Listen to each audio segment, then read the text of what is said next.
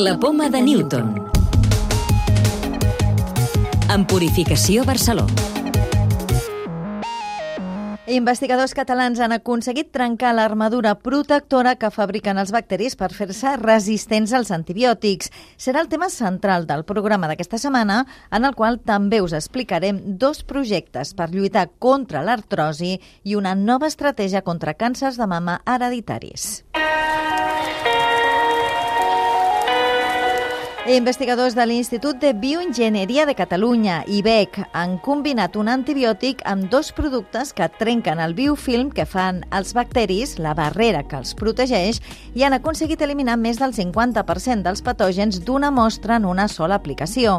L'estudi ha estat liderat per Eduard Torrents, investigador de l'IBEC. Amb una sola dosi ja han reduït 50% de quantitat de bacteris que hi ha. Per tant, pot ser un, un nivell prometedor perquè es pugui utilitzar en, en clínica.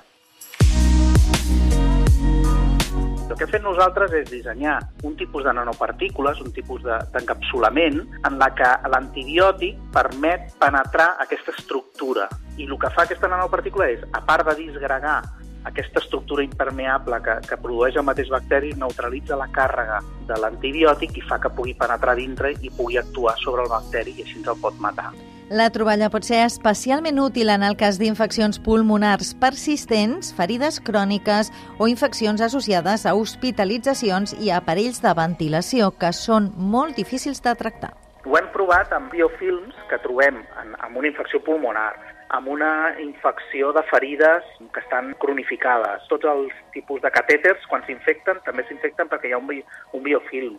Una pròtesi s'infecta perquè es forma un biofilm. Totes aquestes estructures, el que fem és que nosaltres podem recrear aquest biofilm artificialment en el laboratori i fem el tractament sobre aquest biofilm. Ara el següent pas serà fer assajos clínics per avançar cap a l'aprovació d'aquesta nova estratègia que podria significar un avanç molt important en la lluita contra aquestes infeccions resistents provocades per biofilms. També us expliquem que la Fundació Internacional de Pacients amb Artrosi, l'OAFI, treballa en dos projectes científics per lluitar contra aquesta malaltia a través de l'alimentació i també per desenvolupar tendons artificials 3D.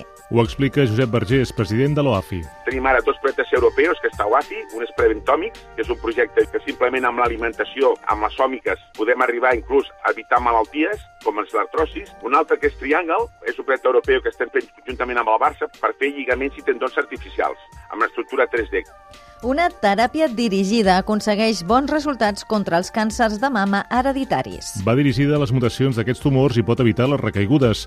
Joan Albanell és el cap d'Oncologia de l'Hospital del Mar. Dones mama que tenien mutacions, el fet d'afegir una teràpia específica que funciona només amb aquelles pacients amb mutacions és capaç d'evitar eh, recaigudes i són, són dades que esperem doncs, que siguin revisades per les autoritats i es puguin aprovar doncs, en un futur no molt distant.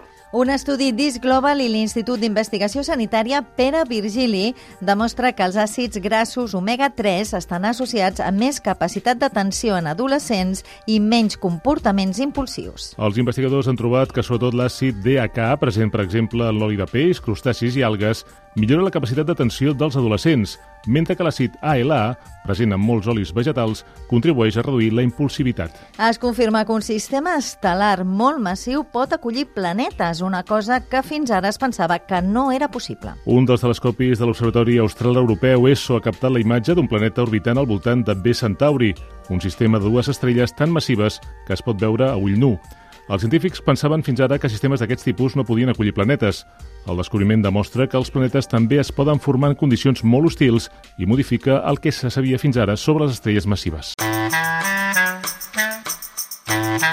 Llibres de ciència.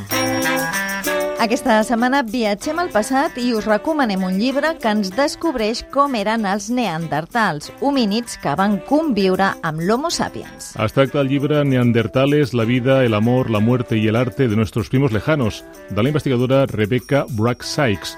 L'obra resumeix els principals descobriments sobre els nostres cosins remots, però també ens descobreix la seva forma de vida i la manera que tenien d'entendre el seu entorn, que els situa com a homínids de primera categoria. Brack ens presenta els neandertals com una espècie molt intel·ligent, altruista, creativa i amb un gran sentit estètic i de cooperació amb el seu grup. Un llibre que ens acosta a aquests hominis tan relacionats amb nosaltres, però que alhora ens ajuda a entendre millor a nosaltres mateixos. Només cal recordar que una part del nostre ADN també és neandertal. La clau de volta. Què és un virus oncolític? Ramon Salazar, director de l'Institut d'Oncologia de Catalunya. És un virus modificat genèticament per arribar a les cèl·lules tumorals selectivament i integrar-se en el seu genoma i un cop integrat a la cèl·lula tumoral la fa explotar. Per això es diu oncolític. Recordeu que podeu descarregar-vos el podcast de la Poma de Newton o subscriure-us al programa per rebre'l directament als vostres dispositius.